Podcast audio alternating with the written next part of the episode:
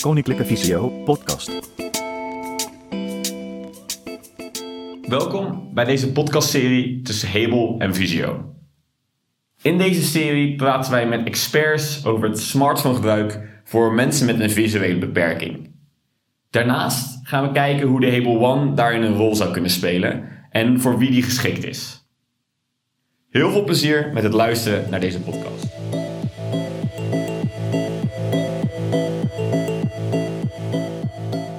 Welkom bij de derde aflevering van de eh, podcast.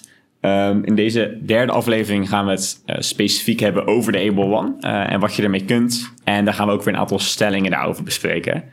om het in te leiden wil ik graag Edwin om jou vragen of jij kan vertellen wat de Able One is, hoe het eruit ziet en hoe het werkt. De Hebel One is een compact toetsenbordje. Ehm, nou, waarmee je met braille invoer op zes braille geënt ehm, kan schrijven en navigeren. En je feedback van wat je geschreven hebt krijg je dus niet via braille. Het is duidelijk geen leesapparaat, maar een schrijfapparaatje. En de feedback van wat je ingevoerd hebt krijg je via spraak. Ehm, het apparaat heeft, hou je rechtstandig uh, met je duimen uh, aan de kant van jezelf, zeg maar. Daarmee ondersteun je het. En dan heb je aan de voorkant, dus het vers van je af, daar zitten de bedieningsknoppen en daar zitten twee rijtjes van drie toetsen met links en rechts daar een toets van. Ik ga zo vertellen wat wat is. Nou, die middelste twee rijtjes, linksboven is punt 1, daaronder punt 2, daaronder punt 3, rechtsboven punt 4, rechts midden 5 en rechtsonder 6. Met deze zes toetsen kun je dus schrijven. Als je in een uh, plek bent waar je kan schrijven, dus of in een notitie-app, of in een e-mail, of een WhatsApp, of waar je ook maar invoervelden hebt waar je tekst kwijt kan. Um, met de andere knoppen, je kan ook letters lang ingedrukt houden. Als ik de H bijvoorbeeld lang ingedrukt zou houden, kom je op je homescherm. Zo kun je allerlei commando's doen. Daar ga ik nou niet heel diep op in. En de buitenste knoppen zijn punt 7 en 8. Daar kun je bijvoorbeeld een backspace mee maken. Een enter voor een nieuwe regel. Of als je de ene indrukt en op de andere drukt, ga je een item naar voren. Doe je het andersom, ga je een item terug. Oftewel, dan ga je het ook gebruiken voor navigeren. Daar zit er aan de bovenkant nog een schakelaar waar je hem mee aan kan zetten en standby aan betekent dat hij gewoon actief is. Dus als je op dat moment vervangt hij je virtuele toetsenbord. Standby uh, is hij niet helemaal uit. Dus als je de schakelaar dan weer één keer naar links zet, is hij meteen weer actief. Maar als hij op standby staat, kun je wel gewoon je virtuele toetsenbord gebruiken. En dan kun je hem ook nog helemaal uitzetten, zodat hij nog meer batterij spaart. En dan is hij dus totaal niet actief. Dat is eigenlijk uh, nou, het is een licht apparaat, wat uh, heel makkelijk meeneembaar is. Je zou het in je broekzak kunnen steken. Uh, ik doe het nou in de zak van mijn overhemd. Nou, zo kun je het ook in je tas doen. Het is in ieder geval simpel meeneembaar en licht. En een stuk kleiner dan, ja, het is een klein apparaat en het is heel handzaam.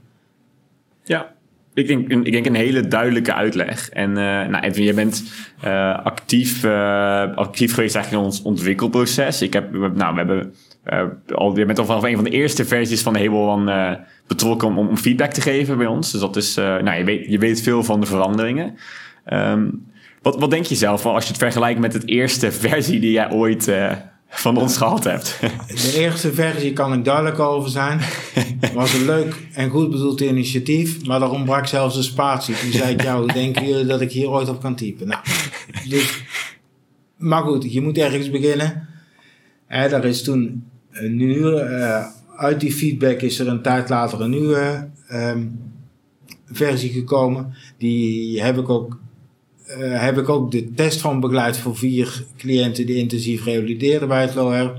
De bevindingen daarvan trouwens zijn te vinden op kennisportaal.visio.org. Daar kun je dit soort die test vinden en ook de, zullen daar ook de podcasts op komen, zoals dat ook op de site van Hebel komt te staan. En dat is imhebel.com. Ja. Dus daar kun je ook informatie vinden. En ja, dus de, eh, je ziet dus wel dat het product van een eh, studenteninitiatief langzaam aan het uitgroeien is naar een, eh, ja, een volwaardig product waarmee je braille kan schrijven in combinatie met je smartphone. Ja, ja, ik denk nou, dat is, nou, de, de eerste keer dat wij bij jou kwamen was uh, bijna 2,5 jaar geleden, denk ik. Uh, dus echt ja, gelukkig grote stappen kunnen maken. En als ik, als ik jou zou vragen, wat is voor jou het, het grote verschil voor mensen die nog nooit van de Hebel gehoord hebben? Wat is nou het grote verschil met een normale braille leesregel? Want daar zullen veel mensen het in eerste instantie mee vergelijken. Het grote verschil is dat je dus hier alleen mee kan schrijven en navigeren. Terwijl je op een leesregel kun je ook heel duidelijk op lezen. Er is ooit ook de vraag gesteld, zou er in de hebel ook een paar braillecellen moeten komen? En toen hm. werd er gedacht aan vijf. Toen zei ik, ja leuk bedacht, maar je hebt er niks aan. A, maak je het apparaat daar onnodig duur van, want braillecellen zijn duur. En wat heb je aan vijf braillecellen als je een woord van zeven letters hebt? Dan zou je moeten gaan scrollen in één woord. Nou, dat gaat niet werken. Ik denk dat je dat ook niet moet willen. He, juist het idee dat het, nou, een leesregel, 40 is, eh, als je kan zitten en op je schoot, is het allemaal wel te doen. Maar is niet in alle situaties makkelijk waar. Hè? Dit toetsenbordje stop je in je broekzak. Ja, dat lukt niet met een leesregel. Wat natuurlijk wel zo is, om de hebelwand te kunnen bedienen, moet je wel braille kunnen schrijven. Dat is een vereiste, want anders kun je niks met dit apparaat. En want je hebt niks aan dat je op een QWERTY-toetsenbord kan typen. Want dat, het, het is nou helemaal geënt op braille invoer met 6 punt braille. Dus dat moet je wel kennen om dit te kunnen gebruiken. Ja, het is, dat, is, nou, dat is leuk dat je het zegt. Daar gaat zo meteen nog een stelling over komen. Maar inderdaad, wat je zegt, het is inderdaad vooral alleen de invoer die wij gebruiken. Wij focussen inderdaad niet, uh, de One focust zich niet op, op het lezen. Uh, maar ook de navigatie is, uh, is wel wat anders dan, dan je gewend bent. En ja, het is lastig om Edwin's mening er heel erg over te vragen, omdat de navigatie sinds kort ook nog veranderd is. Uh, maar het is inderdaad omdat je hem niet neerzet, maar eigenlijk in, in, in je handen houdt en een beetje voor je houdt, uh, helpt dat ook met dat het nou, altijd bruikbaar is. Dat is heel erg het idee erachter. Ja, dus geen, uh, geen tafel of iets dergelijks is er nodig om het, om het te gebruiken. Nee, want ik ja. heb hem nu gewoon in mijn handen, zeg maar, los van wat dan ook. Hè, dus hij zweeft als het ware in de lucht. En ik ondersteun hem dus, wat ik aan het begin al aangaf. En mijn, uh, al mijn vingers, behalve de duimen, zijn aan de voorkant. En juist de kant die het dichtste bij mezelf is, daar heb ik mijn duimen en daar ondersteun ik het apparaat. Dus dat geef je als het ware tegendruk. En je hebt het. Ja, dus zo hou je hem vast. En dan heb je ook niks nodig om hem op te leggen of te zetten. Ja, ja, en het is ook, wat, wat ook het fijne natuurlijk daaraan is, dat jij, nou, omdat je met twee handen vast hebt, wel heel erg het gevoel hebt dat je hem nou, goed vast hebt. Want wat veel mensen zeggen, als ik mijn iPhone uh, bijvoorbeeld in, uh, nou, in, in, het openbare, in openbare ruimtes gebruikt, is dat toch niet altijd een heel veilig gevoel. Hè? Als je je iPhone met één hand vast hebt of bij je oor moet houden. Uh, en op deze manier is dat ja, wel wat makkelijker. iPhone zit gewoon in je zak in principe, terwijl je de Hebel van gebruikt. Dus dat is natuurlijk wel een, ja, een mooi meegenomen voordeel. Zeker. Zullen we naar de stellingen gaan? Ja, prima. Nou, mijn eerste stelling, en die sluit eigenlijk aan bij wat jij net zegt, is uh, de Hable One is alleen voor braille gebruikers. Ja, in ieder geval voor mensen die op zijn minst de letters en een paar leestekens hebben geleerd in braille. Dus je zou wel braille kennis moeten hebben om te kunnen typen. Ja. Dus ook, ja, want als je niet kan typen kun je ook niet navigeren. Dus je hebt, je moet weten de braille letters moet je kennen. Ja. En, en um, misschien is het ook leuk om de vraag anders te stellen. Denk je dat mensen braille kunnen leren, al dan wel alleen het typen, door middel van de Hebel? Ja, het schrijven. Niet schrijven. lezen. Ja. Dat, dat onderscheid moet je natuurlijk heel duidelijk maken. Want ja. normaal is natuurlijk braille tast, voelen. Nou, die knoppen kun je voelen. Ja. Je ja, hè, als je geen idee hebt van braille, zie je, nou ja, als jij tegen het apparaat nu aankijkt, zie je acht toetsen. Mm -hmm. Maar als jij geen enkele idee hebt je hebt niet het idee dat dit een braille invoer toetsenbord is. Dat moet je weten, anders zou je dat niet kunnen, be- eh, kunnen be- benoemen op die manier. Ja. Ja. Nee, ik denk inderdaad wat... Dus Ja, nogmaals, wil je het echt kunnen gebruiken, zul je braille kennis moeten hebben. Ja. Nou, mijn, mijn mening verschilt daar, maar dat is, eh, dat, dat is expres zo. Eh, wat, wat ik denk, en dat is nu eh, nog niet helemaal het geval, maar dat jij in de toekomst, zeker het schrijven, waar je hier wel mee moet kunnen leren. Ehm, het, is, het is anders, omdat er zijn grote toetsen en, en het lezen zou je niet hebben. Eh, maar je leert wel dezelfde combinaties als die je zou uiteindelijk zou hebben bij het, het, het, het lezen. je zou mensen dus Ja. wel duidelijk moeten maken. Hè? Dus je zal daar wellicht een methode voor moeten ontwikkelen om iemand braille te leren schrijven. Ja, dus daar, daar moet inderdaad een programma bij zitten eh, om, om mensen dat te leren. Zeker, zeker. En ehm, hoe, hoe kijk je aan naar de, de navigatie van de Hebron? Dus het aansturen van voice-over, dat is natuurlijk ja, ook een van, de, ja, een van de twee dingen die je doet. Hoe, hoe kijk je daar naar? Nou, omdat het natuurlijk, hè, of je nou een H doet voor home op een braille leesregel of met eh, hebel in dit geval. Mhm. Uiteindelijk bij de ene doe je spatie H en hier hou je de H langer vast. Ja, het is, maar het komt wel overeen. Die logica van die toetscombinaties en lettercombinaties, die is hetzelfde. Ja, Tenminste, ik neem aan dat je daarvan uitgegaan zijn. Ja, wat, wat het, het geval is, we hebben eigenlijk heel veel dingen overgenomen. Nou, De H eh, van Home, de, de L om je scherm voor te lezen. Al die dingen eigenlijk hebben wij eh, overgenomen. Er zijn een paar dingen die anders zijn. Eh, en dat is eigenlijk wat we denken dat wij een snellere en makkelijkere manier hebben gevonden. Dus ja, wat Edwin al zei, je hebt dus toets 7 en 8, dat zijn eigenlijk de, de functietoetsen. Nou, wat daarin is gebouwd is dat dat eigenlijk je je toetsen zijn die je heel erg helpen met het navigeren naar een volgend item of een, of een vorig item. En dat hebben we eigenlijk helemaal verwerkt in alles. Dus dat betekent ook dat in je tekstveld eh, naar een vorige letter of vooruit. Want zeker tekst bewerken is iets wat wij eh, nou, in ieder geval beweren heel erg makkelijk, een stuk makkelijker te maken. Dus vooral, we hebben eigenlijk alles overgenomen. Alleen we hebben de dingen eh, waar je moet scrollen of door dingen heen moet, makkelijker gemaakt door toets 7 en 8. Dat is eigenlijk het extra wat wij ook nog bieden ten opzichte van braille leesregels. Dat is wel een, eh, een verschil dat we daarin hebben. Ehm, de volgende stelling. Ehm, de Hable One is de beste oplossing in elke situatie om je smartphone te gebruiken. Je voelt hem aankomen. Ja. Het kan een prima oplossing zijn in bepaalde situaties. Dat voorbehoud zou ik willen maken. Ja, En dat sluit ook aan bij wat ik al eerder heb gezegd. Ja, voor mij is het heel erg bepalend wanneer ik wat wil gebruiken. Als ik echt iets wil lezen, ja, dan heb ik niks aan Hebel aan. ja. En, in welke situaties denk je dat is... Want ik ben het met je eens. Ik ben het ook met je eens dat Hable niet in elke situatie het beste is. Zeker niet. Eh, vooral nadat je zegt, wil je iets lezen in braille... dan absoluut een braille leesregel. I- In welke situaties zou je de One het snelst gebruiken, Edwin? Als ik snel eh, tekst wil versturen, of eh, bijvoorbeeld eh, wil appen of wil, nou, en niet de leesregel mee wil nemen of kan nemen, dan Mhm. zou ik zeker hiervoor kiezen. Ja, ja. Want ja, je, natuurlijk een braille leesregel moet je altijd, nou, eigenlijk een tas mee, bijvoorbeeld. En ik kan me voorstellen als jij even buiten de hond uit gaat laten en je moet even snel iets versturen, je krijgt een e-mail binnen, ik noem maar iets. Dan is het niet handig om een groot apparaat binnen te hebben. Zeker.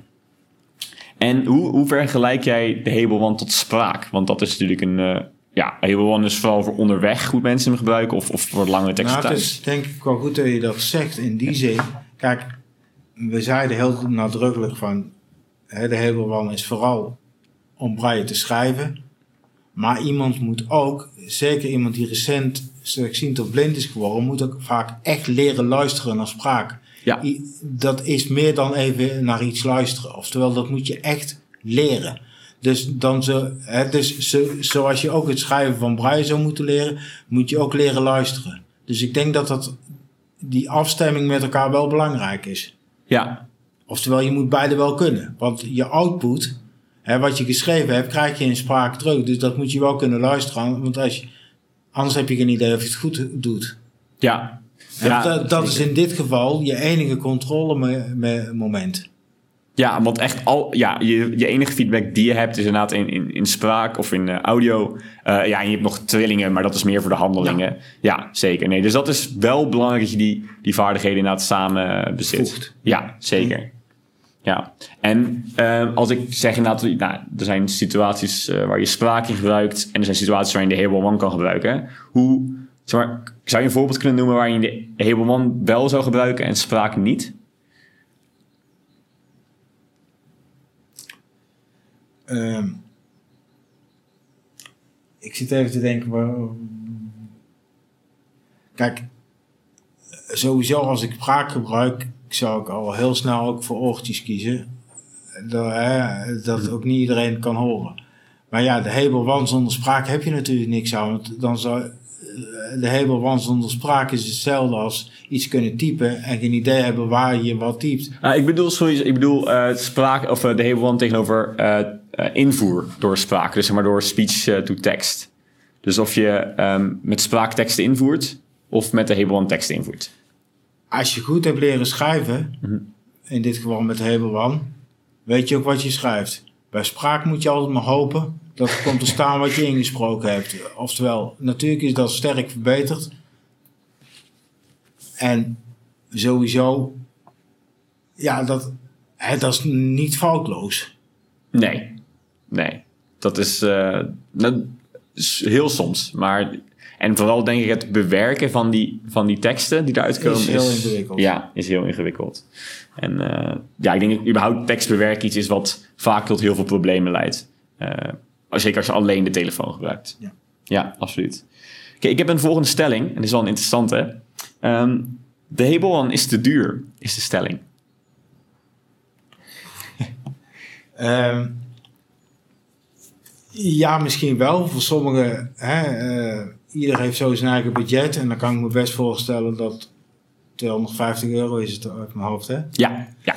Nou, dat dat best wel een prijs is voor mensen. Hè? Zeker als je het zou relateren aan een eh, goedkoop Bluetooth bord- toetsenbordje van de Action voor een tientje. Ja, dan is 250 duur. Natuurlijk is het wel zo, het is een speciaal ontwikkeld apparaat. En speciale ontwikkelde apparaten kosten veel ontwikkeltijd. Dus zijn daardoor duurder. Je afzetgebied is denk ik kleiner. Hè? Dat geldt ook voor leesregels. Kijk, dit toetsenbord, een normaal willekeurig Bluetooth toetsenbordje, kan iedereen gebruiken. Dus kun je er ook veel van verkopen. Ja, dus dan maakt de massa de prijs. Nou, dat zal bij de One niet in dezelfde getalen gaan als met een gewoon Bluetooth toetsenbord.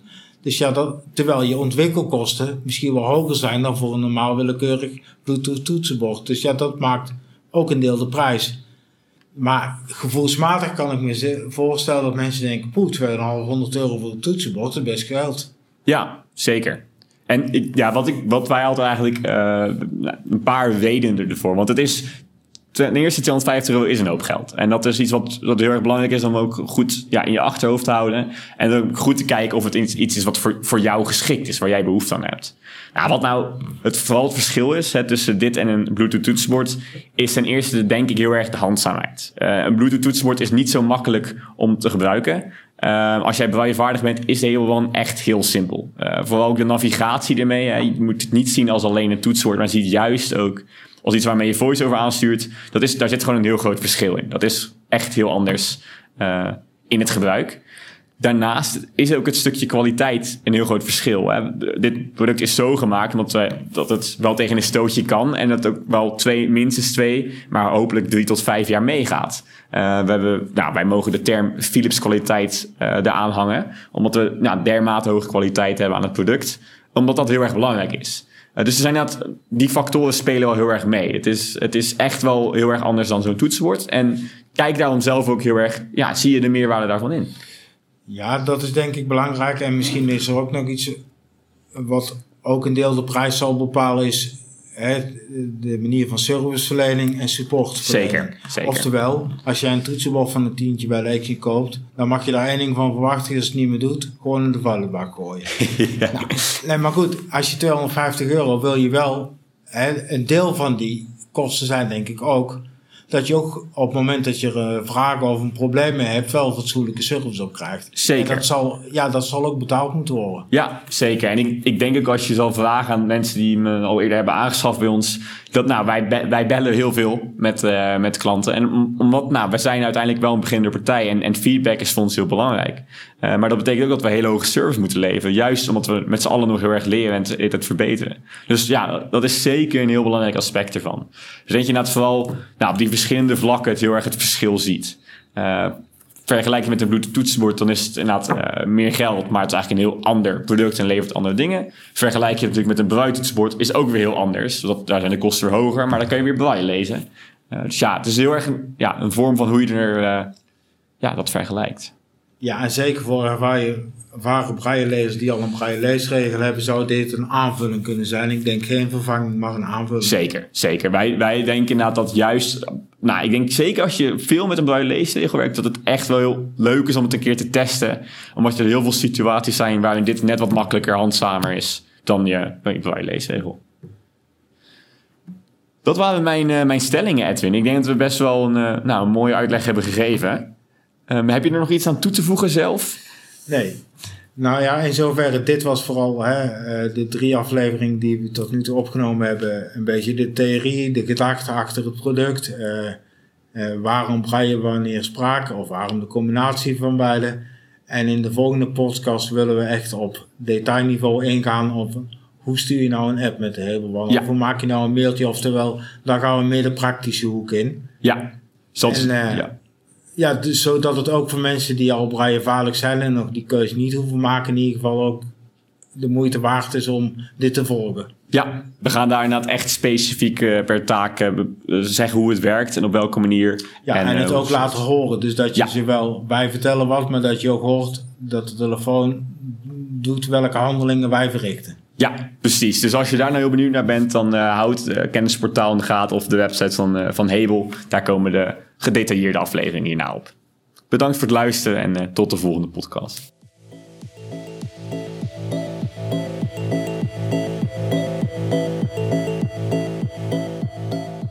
Bedankt voor het luisteren naar deze podcast. Houd het kennisportaal van Visio en de kanalen van Hebel in de gaten voor de volgende podcasts. Laat daarnaast ook zeker weten wat je ervan vond en waar jij nog meer over zou willen weten. Je kan het doen door een bericht achter te laten op het kanaal waarop je luistert of door mail te sturen naar support.immail.com. nuttig? Kijk dan eens op kennisportaal.visio.org voor meer artikelen, video's, instructies en podcasts. Heb je een vraag? Stuur dan een mail naar kennisportaal of bel 088 585 5666. Wil je meer weten over de dienstverlening van Koninklijke Visio? Ga dan naar www.visio.org.